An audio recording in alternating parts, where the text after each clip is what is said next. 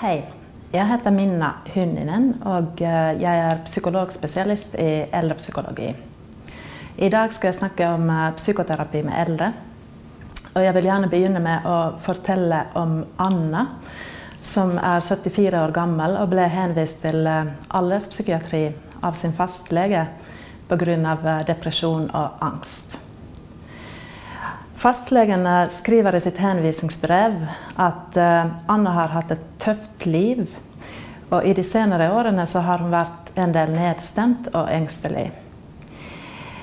Hun sier eh, til fastlegen at hun eh, ikke orker mer og er i ferd med å gi opp. I tillegg til å være nedstemt og ha noe angst, så har Anna også kroniske ryggsmerter og diabetes. Fastlegen har eh, forsøkt behandling med smerteplaster for ryggsmertene, men de har ikke hjulpet. Ifølge fastlegen er det ikke noe mistanke om kognitiv svikt eller demens. Men eh, fastlegen oppfatter at eh, Anna er først og fremst deprimert og trenger hjelp til det. Eh, hun virker mer depressiv nå enn før. Og hun gråter mye når hun kommer til fastlegen og har lite ansiktsmimikk. Fastlegen henviser henne til en alderspsykiatrisk poliklinikk for vurdering av tilstanden og utprøving av annen medikamentell behandling. I tillegg sier fastlegen at Anna er ensom, og hun har lite sosialt nettverk. Og det er en konflikt i familien. Eller Anna har en konflikt i forhold til barna hennes. Ut fra opplysningene i henvisningen så virker det ganske åpenbart viktig at Anna trenger hjelp og det kan godt hende at eh, behandling med psykofarmaka eller antidepressiva kan hjelpe henne. Men når jeg leser en henvisning som denne, så tenker jeg nesten umiddelbart at uh, i tillegg til medikamentell behandling, så burde Anna kanskje få et tilbud om uh, andre former for behandling. Enten i kombinasjon eller istedenfor uh, psykofarmaka. Og psykoterapi eller psykologisk behandling er noe som definitivt kan drøftes med Anna. Om det kan være et alternativ eller noe sånt som hun ønsker å forsøke. Ehm, det er en god del eh, forskningsstudier som viser at eh, eldre får relativt sjelden tilbud om eh, psykoterapeutisk behandling. Samtidig så står det i nasjonale retningslinjer for diagnostisering og behandling av depresjon at eh, alle typer psykologiske intervensjoner bør være tilgjengelig også for eldre med depresjon. Psykoterapi kan ha god effekt, spesielt når pasienten ikke ønsker medikamentell behandling eller responderer ikke så godt på medikamentell behandling. Psykoterapi kan også ha klar nytte nytte med tanke på det at eh, effekten kan være mer langvarig sammenlignet med medikamentell behandling. Psykoterapi kan defineres som bruken av eh, psykologiske metoder i behandling av eh, psykiske lidelser eller problemer. Målet for psykoterapeutisk behandling er en endring i retning av økt livskvalitet eller bedret psykisk helse. I psykoterapien så er det en, eh, et grunnleggende skille mellom det som man kan si er ren samtaleterapi og ren eh, atferdsterapi. Og det er mer et eh, teoretisk skille. I praksis så bruker man som oftest både samtale- og atferdsterapeutiske teknikker som metode. Som f.eks. i kognitiv atferdsterapeutisk behandling. Det er rikelig av forskning som viser at uh, psykoterapi kan være en effektiv behandlingsmetode for eldre. Hvis man sammenligner uh, psykoterapi f.eks. med venteliste eller det å få vanlig standardbehandling eller med placebo eller støttende samtaler, så har psykoterapien vist seg å ha moderat til eh, store effektstørrelser. Kognitiv atferdsterapi og problemløsningsterapi er de terapiformene som ser ut til å ha best effekt for eldre pasienter, spesielt når det gjelder eh, depresjon hos eldre.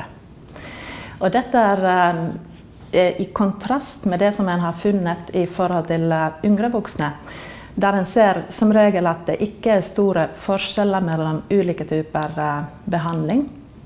Eller at de forskjellene som en finner, er ganske ubetydelige og små. For eldre så ser det ut til å være slik at mer strukturerte og direktive behandlingsformer har best effekt.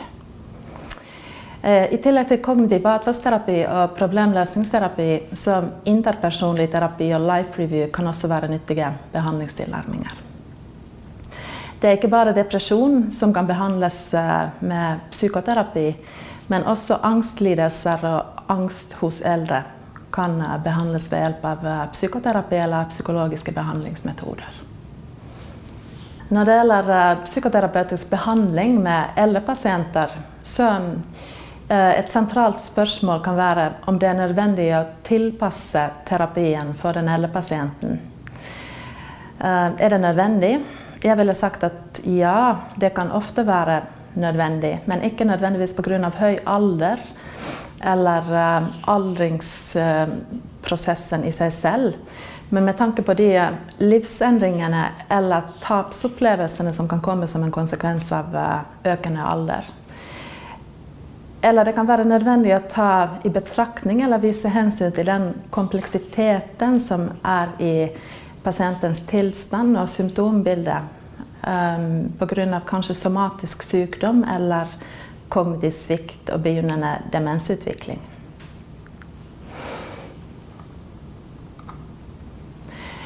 Det er en del endringer i kognitive funksjoner som kan være en følge av normal aldring, eller de kan komme som en konsekvens av demensutvikling.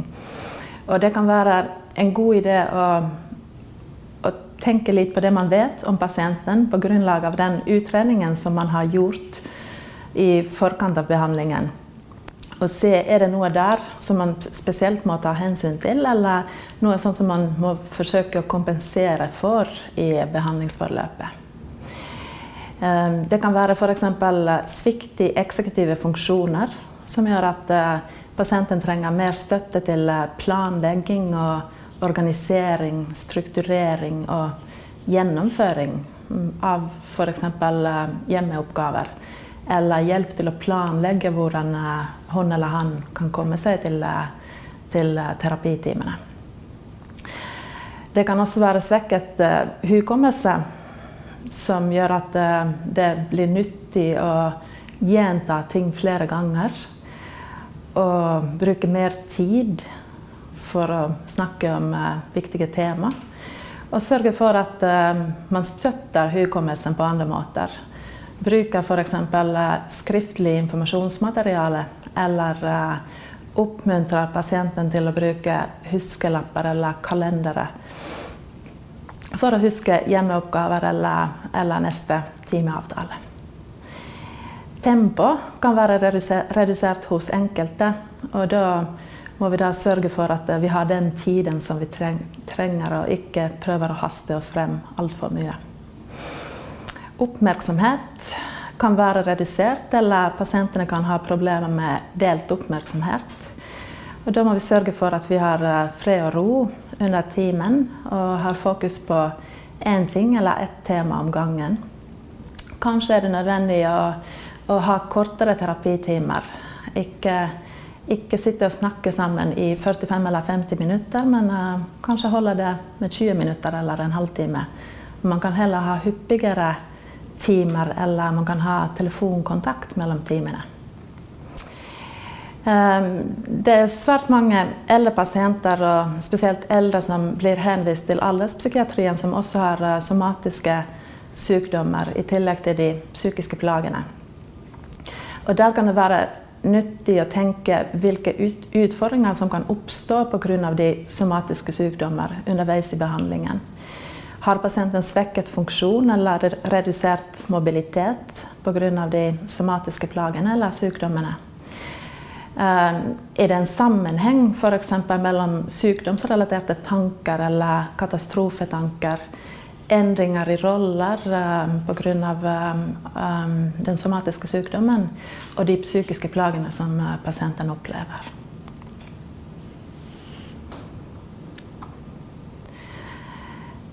Når vi jobber psykoterapeutisk med eldre pasienter, så, så, kan vi ikke være veldig rigide og fastlåst i den mer tradisjonelle terapeutiske eller psykoterapeutiske metoden. Der pasienten kommer til terapeutens kontor en gang i uken, og så sitter terapeuten og pasienten der og snakker sammen 45 minutter. Ehm, en god terapeut med eldre pasienter er fleksibel i sin tilnærming og gjør de tilpasningene som kreves for at, eh, for at eh, eldre, den eldre pasienten også kan få nytte av eh, behandlingen. Noen ganger må man finne kreative løsninger. Ehm, det kan kanskje være nødvendig å ha terapi der pasienten er, istedenfor å forvente at pasienten klarer å komme seg til til terapeutens kontor. Man må kanskje bruke noen hjelpemidler eller støttestrategier for hukommelsen. Jeg nevnte allerede huskelapper, kalendere eller skriftlig informasjonsmateriale. Eller kanskje kan man inkludere pårørende som støttespillere i behandlingen. De kan eh, fungere som eh, huskehjelp for pasienten og hjelpe pasienten til å um, gjennomføre hjemmeoppgaver mellom behandlingstimene. Um, eksponeringstrening er noe som uh, ofte brukes uh, for behandling av angst. Det kan være nyttig å, å gjøre eksponeringsoppgaver sammen med pasienten, heller enn å gi eksponeringsoppgaver som, uh, som hjemmelekse mellom timene. Ehm, jeg nevnte også dette med varighet og hyppighet av behandlingstimene. Enkelte ganger så må vi kanskje korte ned tiden som vi bruker til eh, terapien, og heller um, ha hyppigere timer eller snakke i telefonen mellom uh, behandlingsøktene. Kognitiv atferdsterapi, um, som jeg sa, er blant de behandlingsformene eller psykoterapiformene som uh, har vist seg å være nyttig for, eh, for behandling av både depresjon og angst hos eh, eldre pasienter. Kognitiv atferdsterapi er basert på en antakelse om at eh, tanker og følelser og atferd har en sammenheng. Og i depresjon eller angst så har man ofte mange negative tanker. Engstelige tanker, katastrofetanker eller nedstemte, håpløse tanker. Og disse tankene bidrar til eh, depressive og engstelige følelser. Og både tankene og følelsene påvirker atferden. Og ved angst ser en ofte unngåelsesatferd. Man unngår det som gir en angst, eller unngår situasjoner som kan være angstprovoserende. Ved depresjon er typiske atferdsmønstre passivitet og isolasjon. Man trekker seg tilbake fra andre mennesker og sosiale setninger. Og bruker mye tid kanskje på sofaen alene hjemme. Eh, kognitiv atferdsterapeutiske behandlingsmetoder og, og terapikomponenter brukes for å angripe disse negative, engstelige eller depressive mønstre fra ulike hold. En del eh, teknikker er mer rent kognitive kognitiv terapi, samtaleterapi, problemløsningsteknikker eller psykoedukasjon. Informasjon til pasienten om eh, hva er depresjon eller hva er angst. Hvordan eh, tanker og atferd kan påvirke følelser osv. De kan brukes for å angripe eller snu de negative tankene som er vanlige ved angst eller depresjon. Så har man eh, en rekke mer eh, atferdsterapeutiske teknikker, som f.eks. atferdsaktivering eller behavioral activation og eksponeringstrening. Som kan da brukes for å endre de uh, atferdsmønstrene som, uh, som, som, er der som en konsekvens av angst eller depresjon, eller som bidrar til å vedlikeholde angst og depresjon. Hvis vi da går tilbake til Anna. Hun uh, går med på å prøve samtaleterapi, selv om hun uh, ikke har tro på at uh, hun kan hjelpes. Hun sier, sånn som hun har sagt til fastlegen, at hun vil ingenting, og hun orker ingenting. Hun sier at dette er ikke noe liv, og at egentlig så ønsker hun bare å dø. Um, det første, eller det stedet hvor man må begynne med med Anna, er å skape en behandlingsallianse. Og forsøke å gi henne håp og bygge opp motivasjon for uh, behandling. Hvordan gjør man dette? Det er ikke nødvendigvis alltid enkelt, og det, det finnes ikke noen enkel oppskrift for det. Men uh, man skal lytte, vise forståelse for uh, pasientens opplevelse. Og så skal man gjerne gi også informasjon om uh, f.eks. om depresjon. At det å miste motivasjon og miste initiativ og ha følelser av håpløshet er vanlig ved depresjon. Men at nå skal vi jobbe sammen for å snu det. Og vi skal jobbe sammen for å, for å, for å gi henne håp. At kanskje i begynnelsen av behandlingen så Anna kan føle veldig mye håpløshet og hjelpeløshet. Men at som terapeut så skal jeg være den som har håp for henne til å begynne med. Så er det også viktig i kognitiv atferdsterapeutisk behandling at, eh, at eh, man jobber hele tiden sammen med pasienten, og at terapien blir samarbeidsprosjekt. Eh, man skal begynne med å, å lage en oversikt over problemene. Hva som bidrar til å vedlikeholde problemene eller gjøre dem verre.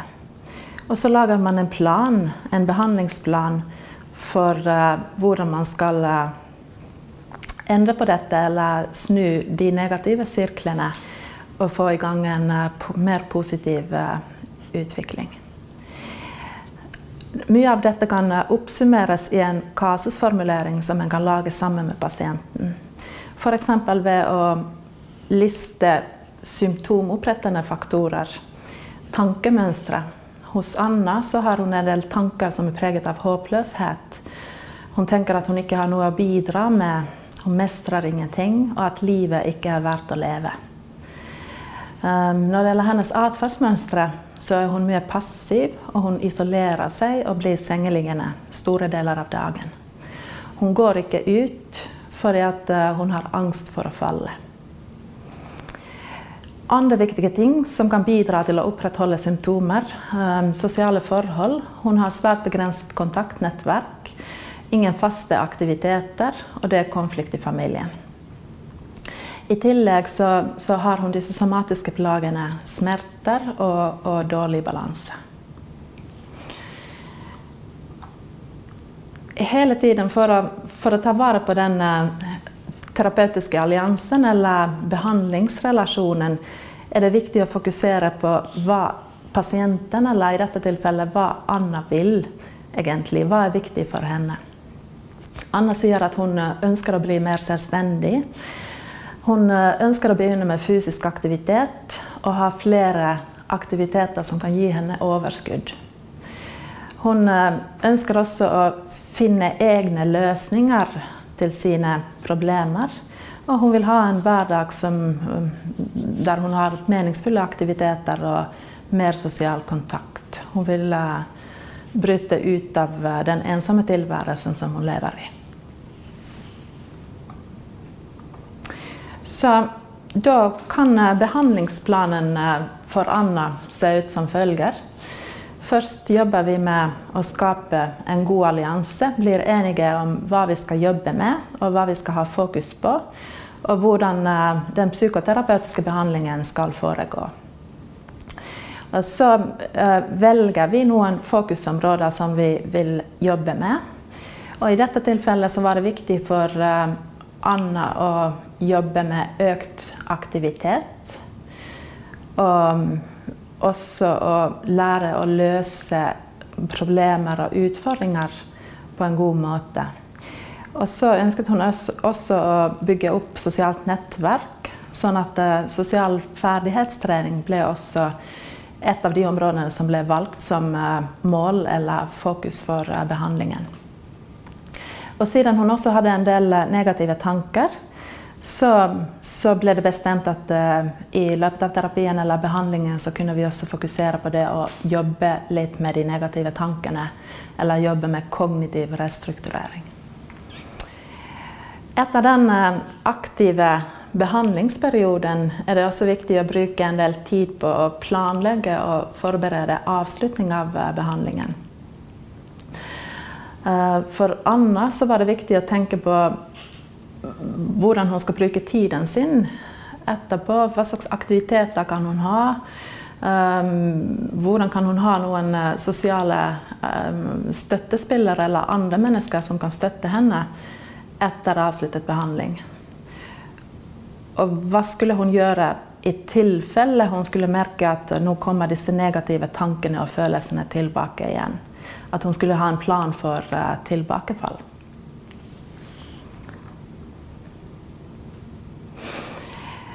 Atferdsaktiveringen, som var en av de viktige behandlingskomponentene for Anna, um, kan handle om uh, det å øke engasjement i adaptive aktiviteter. Eller aktiviteter som er oppbyggende, og som gir mer energi. Um, det kan være en viktig strategi eller metode for å bryte de depressive atferdsmønstrene med passivitet og isolasjon. Um, typiske aktiviteter som man forsøker å øke, kan være hyggelige aktiviteter som i seg selv kan uh, gi mer positive følelser. Um, en kan også forsøke å øke aktiviteter som uh, ikke nødvendigvis er så hyggelige i seg selv, men som likevel oppleves som viktige og betydningsfulle, og som gir økt mestringsfølelse. Det å betale f.eks. regninger er ikke en hyggelig aktivitet i seg selv, men når du har gjort det, så kan man være fornøyd med seg selv. Det, det, er viktig å betale regninger, selv om det ikke er så veldig hyggelig. Så samtidig, mens en øker andelen eh, av disse adaptive aktiviteter, så reduserer man også andelen av tid som brukes til eh, aktivitet eller atferd som opprettholder eller øker eh, depressive symptomer man bryter eh, passiviteten eller man bryter isolasjonen. Og heller bruker mer tid på det å være aktiv og være sammen med andre mennesker. Så underveis så registrerer man og monitorerer man aktiviteter slik at man hele tiden kan følge med på endringer som skjer. Planlegger godt og systematisk hvordan man skal endre sine aktivitetsmønstre. Og så begynner man å gjøre aktiviteter. Og da blir det viktig å gjøre de aktivitetene som man har planlagt, selv om man ikke føler for det. Og fortsette med de aktivitetene selv om man ikke merker noe umiddelbar endring i stemningsleiet. Da er det terapeutens oppgave å forklare til pasienten at uh, endring i psykoterapi er ikke en kontinuerlig oppadgående kurve. Men det kommer dårlige perioder og det kommer dårlige dager. Og da skal man ha tålmodighet og toleranse for det at eh, alle dager er ikke like gode. For Anna så opplevde hun at eh, etter hvert begynte hun å kjenne på at hun fikk mer energi. Hun hadde ikke så mange negative tanker som før. Hun klarte å bygge opp et nytt nettverk for seg selv. Og hun eh, tok også imot tilbudet til å bli med i gruppeterapi for eldre som en slags eh, ettervern i en periode. Og for hennes del var denne gruppen svært viktig for å, for å ha noe støtte og ha et sted der hun kunne fortsette å snakke og dele med andre. Også når hun hadde negative eh, tanker eller hadde perioder da hun hadde en del eh, depressive følelser og var redd for å få tilbakefall. For å oppsummere så psykoterapi for eldre kan være en uh, nyttig behandlingsmetode og tilnærming. De formene for psykoterapeutisk behandling som har vist seg å ha best effekt i forskning eller i forskningsstudier, er de som er relativt eh, strukturerte og direktive former for eh, psykoterapi. Behandlingen kan deles opp i flere faser. Den første fasen hvor en jobber med arbeidsallianse og skaper relasjon, får tak i pasientens ressurser og jobber med å gi håp og øke motivasjonen. Forsøker å få tak i pasientens perspektiv. Hva er viktig for deg? Hva er viktig for denne pasienten?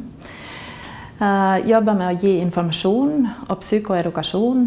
Hva er depresjon? Hva er angst? Og tilbyr en rasjonale for behandlingen. Hvorfor skal vi jobbe sammen på denne måten? Og så har man den uh, mer sentrale behandlingsfasen, hvor en uh, øver på ferdigheter, eh, kan øve på teknikker i tilfelle kognitiv atferdsterapi. Eh, jobbe med problemløsning osv. Og der jeg tenker det er svært viktig med å bruke erfaringsbasert læring mest mulig. Med utgangspunkt i den kasusformuleringen som en har laget sammen med pasienten. Terapien skal hele veien være et samarbeidsprosjekt. Um, og det Samarbeidet skal helst gå ut på det å ikke bare snakke sammen, men også eksperimentere og gjøre seg nye erfaringer sammen. Og oppleve mestring underveis. Og så har man avslutningsfasen hvor en skal planlegge fremover. Og jobbe med å forebygge tilbakefall.